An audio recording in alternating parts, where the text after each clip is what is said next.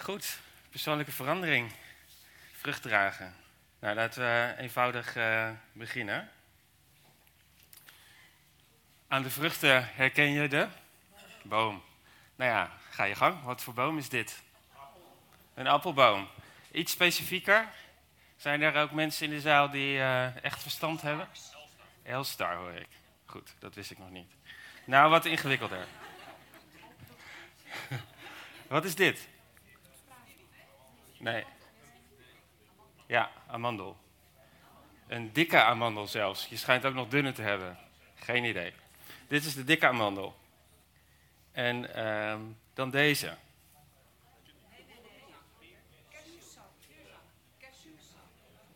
Ik denk dat niemand hem weet hoor, maar jullie doen ontzettend je best. nee, dit is de uh, manzanilla-boom.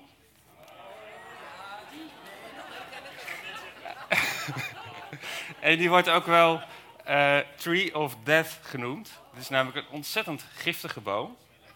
En het, het, het sap uit de takken, dat, dat verbrandt helemaal je huid. En als je de vruchten eet, dan, nou ja, dan kan je waarschijnlijk de rest van je leven niet meer normaal eten. Omdat dat dan van binnen van alles verbrandt. En uh, het, ze hebben dus ook ontzettend problemen eigenlijk om die boom uit te roeien. Want als je dat ding gaat uh, omhakken, dan kom je dus in aanraking met dat sap. En ja, die boom die blijft zich dus gewoon voortplanten. Gevaarlijke boom. Even kijken hoor. Nou, wat is dit? Kersenboom. Dus de vrucht van een kersenboom, dat zijn natuurlijk uh, kersen. Wie heeft er zin in een kers? Nou, laat maar komen dan. Dus er worden, er worden kersen uitgedeeld. Maar uh, ik, zou, uh, ik zou jullie willen vragen om, uh, om, om, de, om de kers aan te nemen, maar, nog even te wachten. Ja? Kunnen we dat afspreken met elkaar? Dat je gewoon nog even wacht. Dat je gewoon tijdens de preek die, die vrucht gaat bestuderen. Want we hebben het tenslotte over vruchtdragen vanochtend. En wat voor vruchten groeien er eigenlijk aan de boom van jouw leven? Dat is een vraag die je daarbij zou kunnen stellen. Het onderwerp vandaag is vruchtdragen. Nou, dimensies van discipelschap, persoonlijke verandering, steeds meer uh, vrucht van de Heilige Geest in je leven gaan zien. Van de week uh, de Zwee rondgestuurd, uh, die was al een inleiding op dit onderwerp. Um, in de Zwee had ik ook aangegeven dat we vandaag stil willen staan bij Galaten 5. Maar laten we eerst even kijken naar het, uh, het doel van vruchtdragen. In Johannes 15, vers 8, daar zegt Jezus: De grootheid van mijn vader zal zichtbaar worden wanneer jullie veel vrucht dragen en mijn leerlingen zijn. Dus daarin zegt hij eigenlijk in het kort: vruchtdragen is gewoon een onderdeel van discipel zijn. Dus dat is een onderdeel van discipelschap. Vandaar dat het ook in dit programma Dimensies van Discipelschap zit. En het, het, boekje wat we op de huisgroepen ook gaan behandelen, dat gaat ook heel erg inzoomen op Galaten 5. Maar voordat we de Bijbel induiken en Galaten 5 gaan lezen, wil ik toch ook eerst wel even wat context meegeven. Want de Galaten brief is een, uh, een nogal uh, brief met een stevige toon. En ik denk dat het ook goed is dat we met elkaar even begrijpen waarom dat zo is. De gelaten brief die is geschreven aan diverse gemeentes in uh, Klein-Azië, in Galatië. En Paulus die heeft die gemeente gesticht. En uh, de toon van die brief is op een bepaalde manier snoeihard. Ja, dankjewel. Zo, ik leg hem even hier neer. Dus de toon van die brief die is uh, snoeihard en uh, scherp, corrigerend. En daarom is het denk ik ook belangrijk dat we ons even verdiepen in de, in de context. Want wat was nou het geval? Uh, nadat Paulus die gemeentes gesticht had, waren er uh, Joods-Messiaanse christenen. En die kwamen eigenlijk met een ander evangelie. Die wilden de, de wet terugbrengen. En um, mensen moesten zich weg gaan houden aan de wetten van Mozes, besnijdenis, al de voedselwetten, koosje eten en zo.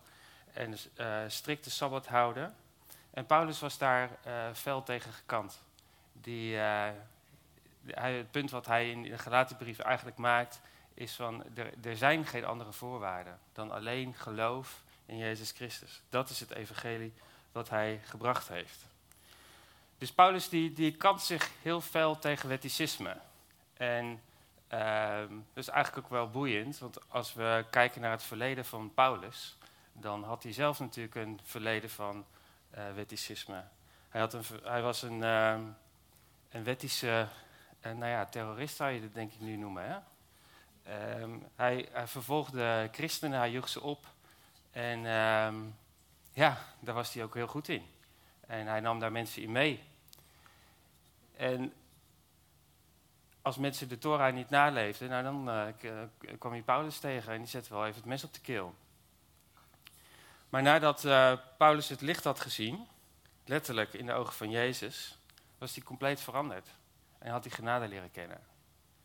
En dat is een, dat is een hele krachtige persoonlijke verandering die hij uh, door Jezus heen meemaakt. Op de weg naar Damascus ontmoet hij Jezus. En is hij een aantal dagen blind.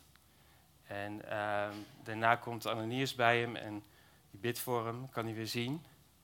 En uh, met het zicht uh, zijn, worden kennelijk ook zijn geestelijke ogen geopend voor het evangelie.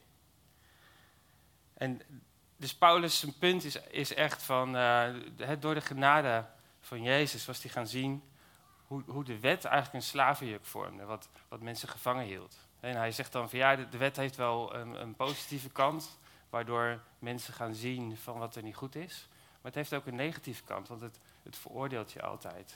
En uiteindelijk is de wet geen oplossing.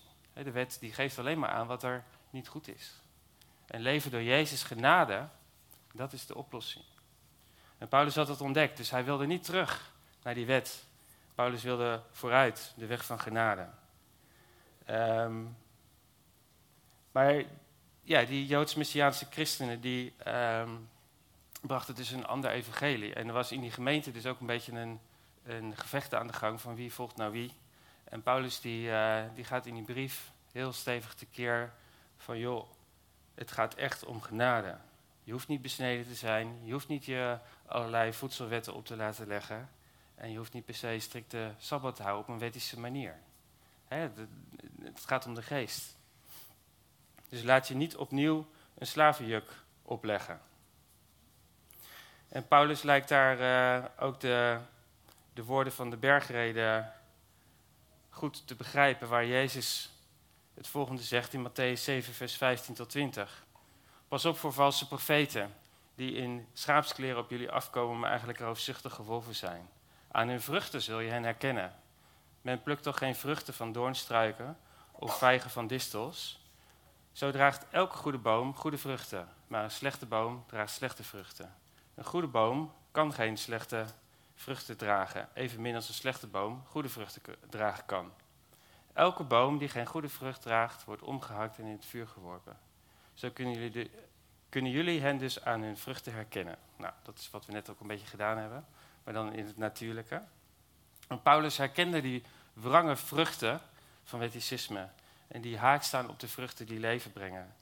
En nou, dat is dus even een uh, inleiding op uh, het stuk van gelaten waar we stil bij willen staan. Misschien heb je thuis al gelezen als voorbereiding op, uh, op vandaag. Maar het gaat om gelaten 5, vers 14 tot en met 25. Ik lees het hele stuk even. U bent geroepen om vrij te zijn. Misbruik die vrijheid niet om je eigen verlangens te bevredigen, maar dien elkaar in liefde. Want de hele wet is vervuld in één uitspraak. Heb uw naaste lief als uzelf. Maar wanneer u elkaar aanvliegt, pas dan maar op dat u niet door elkaar wordt verslonden. Ik zeg u dus, laat u leiden door de geest. Dan bent u niet gericht op uw eigen begeerte. Wat wij uit onszelf najagen is in strijd met de geest. En wat de geest verlangt is in strijd met onszelf. Het een gaat in tegen het ander.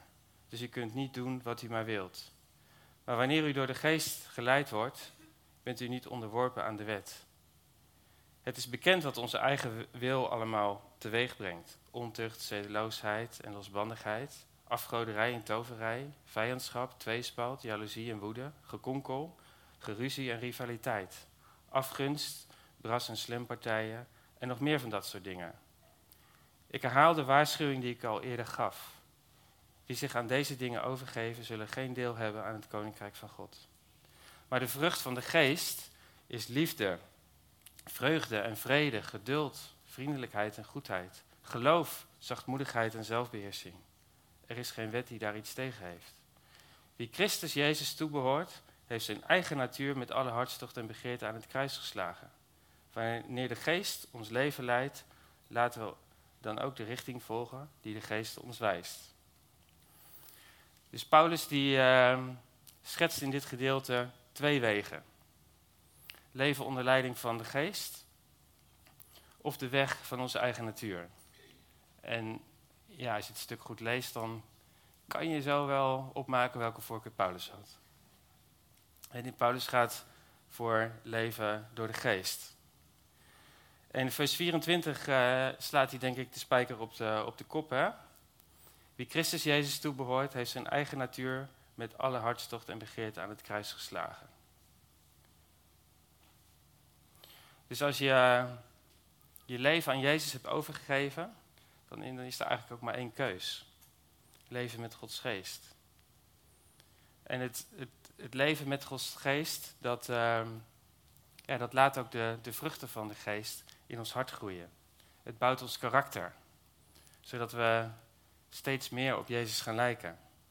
dat, die mooie vruchten van uh, liefde, vreugde, vrede, geduld, vriendelijkheid, goedheid, geloof, zachtmoedigheid en zelfbeheersing in ons hart gaan groeien. En Paulus schrijft eigenlijk met dit voorbeeld terug op een principe wat we eigenlijk door de hele Bijbel al heen zien. Het principe van vrucht dragen. Jezus heeft het daarover. Ehm, de Bijbel begint ermee. Kijk, alles in de natuur draagt eigenlijk vrucht. Bomen en planten. En dat is precies hoe God het bedoeld heeft. In het eerste hoofdstuk van Genesis komen we dat tegen. Um, Genesis 1, vers 11. Overal op aarde moet jong groen ontkiemen, zaadvormende planten en allerlei bomen die vrucht dragen met zaad erin. En zo gebeurde het. De aarde bracht jong groen voort, allerlei zaadvormende planten en allerlei bomen die vrucht droegen met zaad erin. En God zag dat het goed was. Dus daar hebben we het principe van vrucht dragen. Het is een ingebouwd principe in de schepping, in de, in de biologie van de schepping. Maar het is ook een geestelijk principe, wat God eigenlijk door de natuur heen ons ook wil leren. Het laat iets zien over wie God is. vermenigvuldiging en groei van vrucht uh, zijn een integraal onderdeel van wie God is. Het is een deel van zijn karakter, wat hij ehm, in de schepping heeft willen leggen. Dus vrucht dragen is eigenlijk ook uh, logisch. En als het niet gebeurt, dan is er iets mis. Dan is er een blokkade waarom er geen vrucht uh, is. Dus groei in de natuur is een automatisch principe. En alles wat, uh, wat gezond leeft, dat groeit ook. En de, de groeikracht kan je eigenlijk niet zozeer beïnvloeden, maar uh, de omstandigheden voor groei wel. Alhoewel, uh, ik, uh, zoals jullie weten werk ik bij TNO en daar wordt allerlei onderzoek gedaan. En onder andere ook naar het veredelen van zaden. En Nederland is daar echt uh, koploper in, uh, in, in, de, wereldwijd. In het veredelen van zaden. Dus hoe, hoe, hoe kan een zaad zeg maar, zoveel mogelijk groeikracht krijgen? En uh, dat wordt allemaal doorgefokt en er worden allerlei dingen mee gedaan. Um, die ik zelf ook niet begrijp, maar ik ben IT'er. Um, ehm, maar dit is wel, dat zijn wel, mooie onderzoeken die ook de, nou ja, een bijdrage leveren aan de voedselproblematiek in de wereld. Maar goed, als je dus een, een bepaald uh, zaad hebt, wat, wat goed is, dan heeft dat een bepaalde groeikracht en daar kan je dan niet zoveel meer aan veranderen. Um, wat je dus wel kan doen, is de omstandigheden uh, gunstig beïnvloeden. En ik weet niet uh, of jullie dat nog weten van uh, biologie. Maar wat is de groeidriehoek?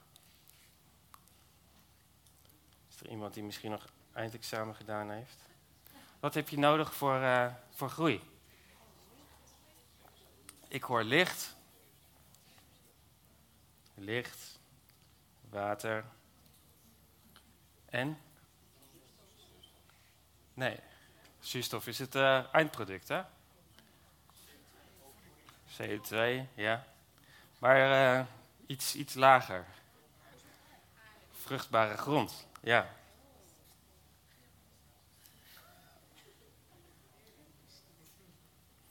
En dan gaat je boompje groeien. Precies, Paul. Zo werkt dat.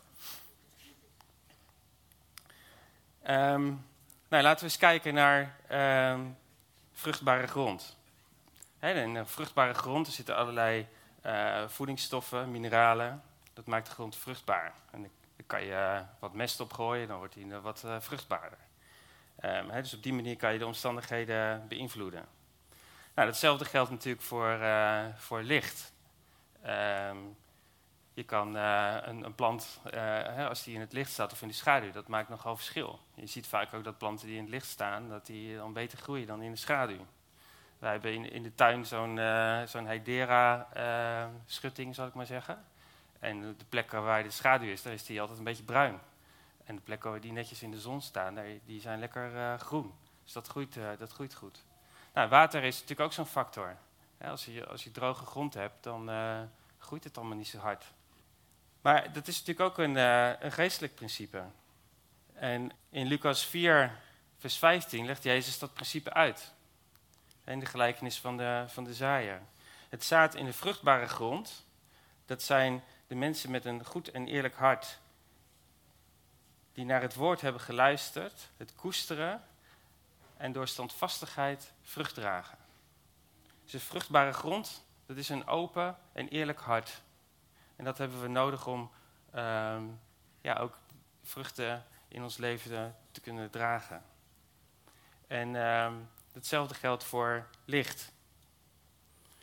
In Johannes 1, vers 4, er staat: In het woord was leven en het leven was het licht voor de mensen. En dus als wij onszelf even voor, voorstellen als, als bomen, zoals Psalm 1 dat ook doet, ehm, dan hebben we dat licht nodig. Het licht voor de mensen. En Jezus is het licht. En het, het zaad van het woord, dat mag uh, landen in de vruchtbare grond van ons hart. Nou, als laatste water. Um, Janneke die had het net al even uh, in het bidden voor mij over een Psalm 1 boom. nou, dit is bij ons voor. Dus we hebben een soort uh, sloot, vijverachtig gebeuren. En ehm, daar is in één keer een boom gaan groeien. En volgens mij is het een kastanjeboom, dus ik weet niet of er iemand een kastanje daar precies aan de rand van het water uh, heeft gegooid. Maar dat ding is gaan groeien. En uh, hij is nu denk ik anderhalf jaar oud of zo. En uh, ja, het staat precies aan het water, dus dat, dat groeit als, als geen andere boom. Dus er staan, je kan hiernaast, ik kan het hier wel even aanwijzen. Er staat daar ook nog een boom. Maar die is geplant tien jaar geleden. Hè? Dus zo, zo uh, zie je dat water ontzettend helpt. En, en die, die bladeren van die boom die zijn ook echt mooi groen en die glimmen. Dus dat, dat werkt wel. En zo werkt het ook in ons leven. We hebben het levende water van Gods geest nodig om geestelijk te kunnen groeien en geestelijk vrucht te kunnen dragen. En in Psalm 1, daar staat dus ook hij zal zijn als een boom geplant aan stromend water.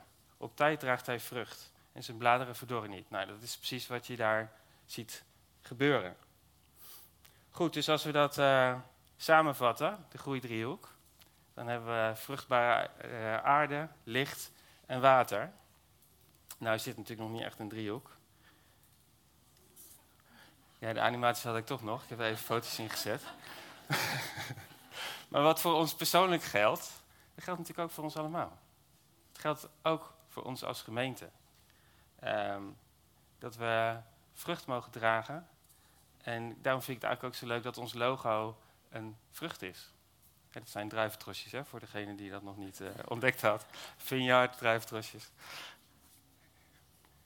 Ehm, dus als wij in, in deze gemeente gezaaid en geplant zijn in vruchtbare grond, gevoed door levend water, en leven in het licht van het gezicht van God, dan zullen we vrucht dragen. Dat, dat kan niet anders. Zo zit de schepping in elkaar, zo heeft God het bedoeld. Dus ehm, en de les die we daar ook met elkaar uit kunnen trekken, is dat, um, oh, ik ga te hard, dat vruchtdragen is een resultaat van leven en niet van activiteit. We kunnen aan de omstandigheden wat doen, maar het leven zelf kunnen we niet beïnvloeden. Het leven zelf is Jezus. En we kunnen Hem de ruimte geven, waardoor de omstandigheden uh, beter worden en er ook meer vrucht kan komen. Dus vruchtdragen is het resultaat van leven en niet van een activiteit. Want de groeikracht, het leven zelf, heeft een bron. En we mogen geënt zijn op de, de wijnstok, Jezus, zoals we in de gelijkenis van de ranken kunnen lezen. En de vrucht van de geest, ehm, die groeit van binnenuit. En het gaat eigenlijk over jouw karakter. Niet om wat je doet of hoeveel je doet of om hoe effectief je bent. Ehm, het gaat niet om je talenten of je kwaliteiten. Het gaat over karaktergroei. Het gaat over geestelijk gezond en geestelijk volwassen zijn. En ehm, in 1 Korinthe 13, het gaat, uh, hoofdstuk wat gaat over de liefde, er staat dat ook eigenlijk, hè, van je kan van alles doen, je kan uh, van alles willen, maar als je de liefde niet hebt, dan, dan slaat dat nergens op, dan is het niks. En liefde is een vrucht van de geest. En uh, Christian Schwartz die, uh, heeft daar een boek over geschreven. En die zegt eigenlijk van uh, er is eigenlijk maar één vrucht. En dat is liefde. En al die andere dingen die komen daaruit voort. Dat is ook een manier om ernaar te kijken. En wat het eigenlijk ook zegt is dat uh, Paulus gebruikt niet vruchten van de geest, maar vrucht van de geest. dus we kunnen ook niet wat, wat cherrypicking doen van ja, ik ben ontzettend zelfbeheersing. Uh, of ik uh, ben ontzettend liefdevol. Maar geduld, uh, geduld heb ik niet. Het, het, gaat om karakter, het gaat om, gaat om allemaal. En je kan van alles doen. Hè? Ik bedoel, als ik dat ook op mijn eigen leven toepas, ik kan hier een hele mooie preek houden en thuis ontzettend ongeduldig zijn tegen Rosemarie of de kinderen. Hè, wat, het gaat om karakter. En in de twee die ik gestuurd had, um, daar zat een, een filmpje in van het programma Pauw, waar Gertjan Segers de gast was. En die ontzettend onder vuur genomen werd. Nou, moet je maar even kijken. Maar het, karakter wat hij daar liet zien, vond, was ik erg van onder de indruk. en dat zijn de momenten waar het op aankomt. Je wordt onverwacht ergens ingezet. Dingen die hij misschien niet verwacht had of, of voorbereid was. En hij, hij staat daar en hij blijft daar staan. Dat is karakter. En dat is dan eigenlijk ook wat, wat zichtbaar wordt in dat soort situaties. Het is belangrijk om te groeien in karakter. Het is belangrijk om de vruchten van de geest in je leven te ontwikkelen.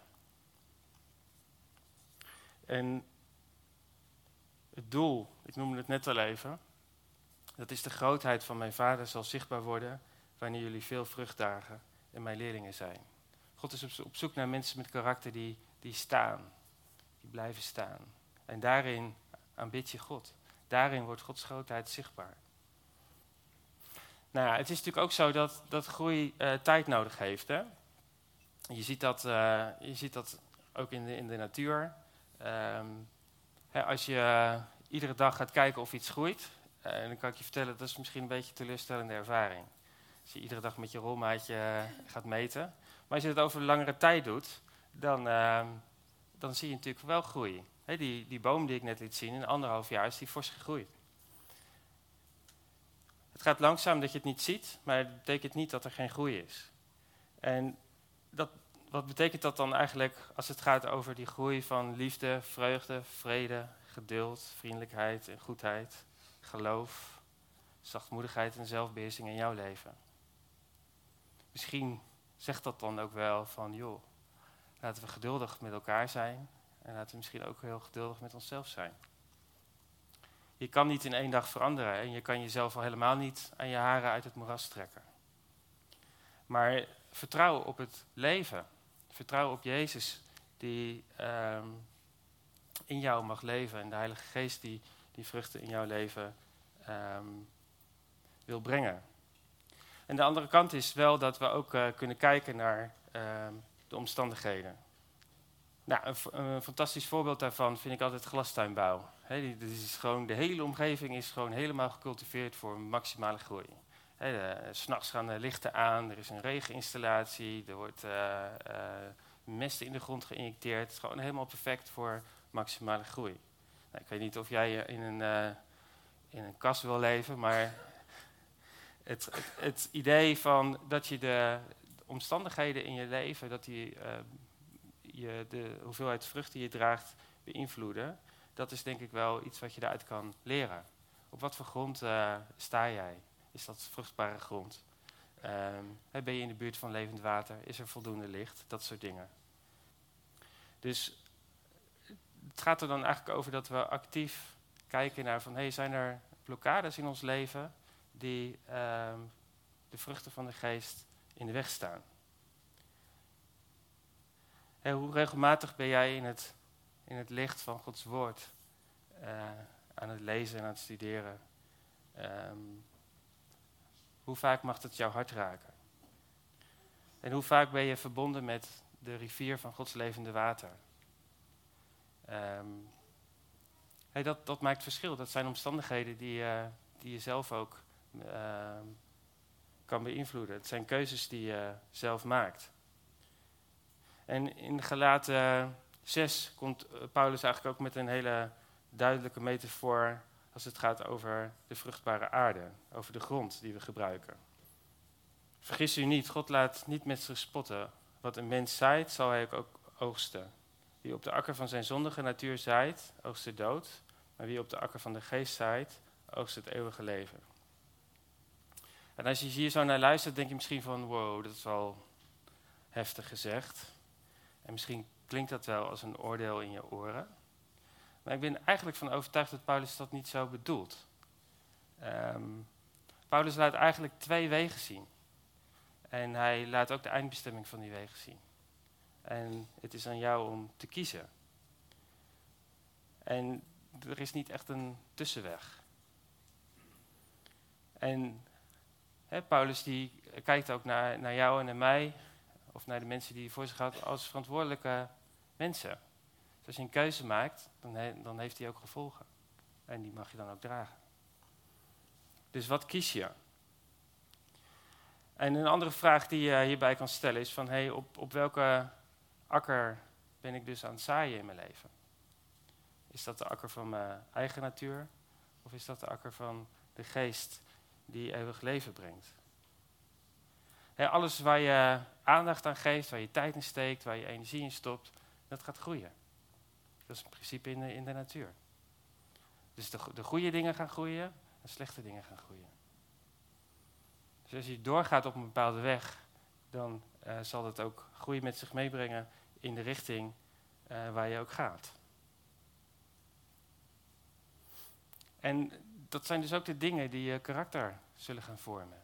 Zijn dat de vruchten van de geest die je karakter aan het vormen zijn, of zijn dat andere dingen? Paulus noemde net in Gelaten 5 een heel lijstje. Dus we hebben daar een, een keus.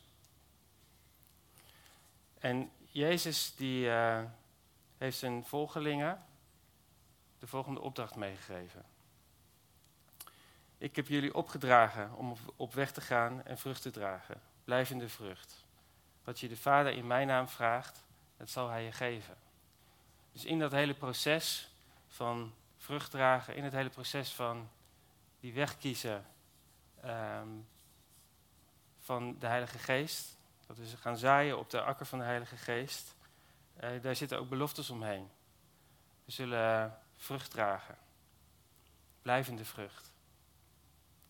En we mogen God vragen wat we, wat we nodig hebben. En Hij zal het geven.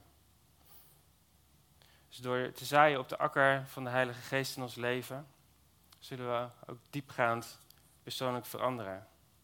Doordat de Heilige Geest het karakter van Jezus in ons wil uitwerken. En we zullen vrucht dragen. En het mooie karakter van Jezus, zijn liefde, zijn vreugde, zijn vrede, zijn geduld, zijn vriendelijkheid, zijn goedheid, zijn geloof, zachtmoedigheid en zelfbeheersing zullen in ons groeien.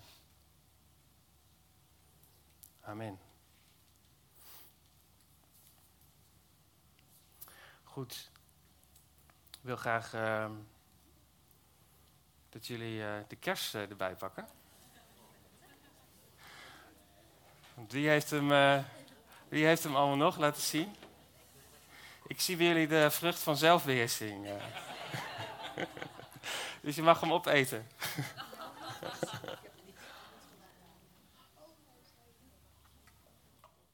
maar ja, wat hou je over?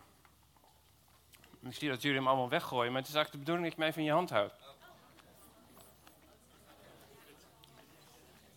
Want wat is dit? En een pit is? Zaad. Precies. Dus op welke akker eh, zou je dit zaad willen gaan zaaien, als je dat even in de metafoor stapt? Ik geloof dat God uh, vandaag ons wil uitdagen om iets nieuws te zaaien. En um, de vraag is dus, vraag is aan God van, hé, hey, wat, wat mag ik zaaien? En op welke akker? Ik denk dat hij ook wel een, duidelijke voorkeur heeft. Dus um, zullen we gaan staan? En laten we de Heilige Geest uitnodigen. En wilt u ons uh, laten zien waar we mogen zaaien. En wat we mogen zaaien. Heilige Geest, wilt u uh, de rijen doorgaan. Dat u ons aanraken. Dat u tot ons spreken.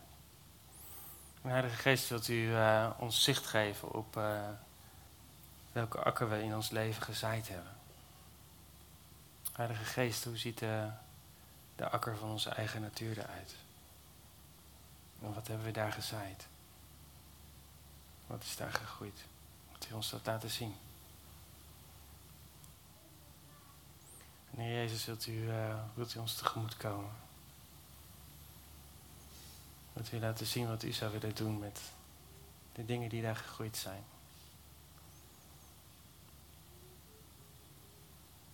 Misschien zijn dat wel verstikkende slingerpanten of, distels.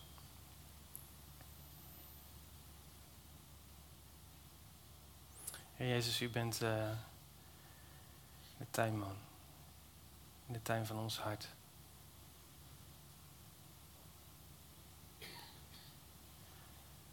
Heer Jezus, wilt u komen met uw orde in onze, in onze akker. Wilt u de dingen eruit trekken, Heer, die daar niet horen.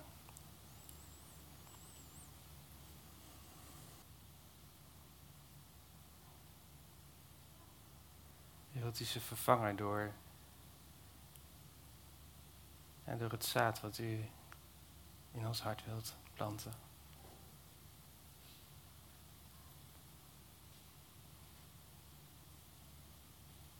En Heilige Geest wilt u openbaren wat u vanochtend in ons hart wilt planten.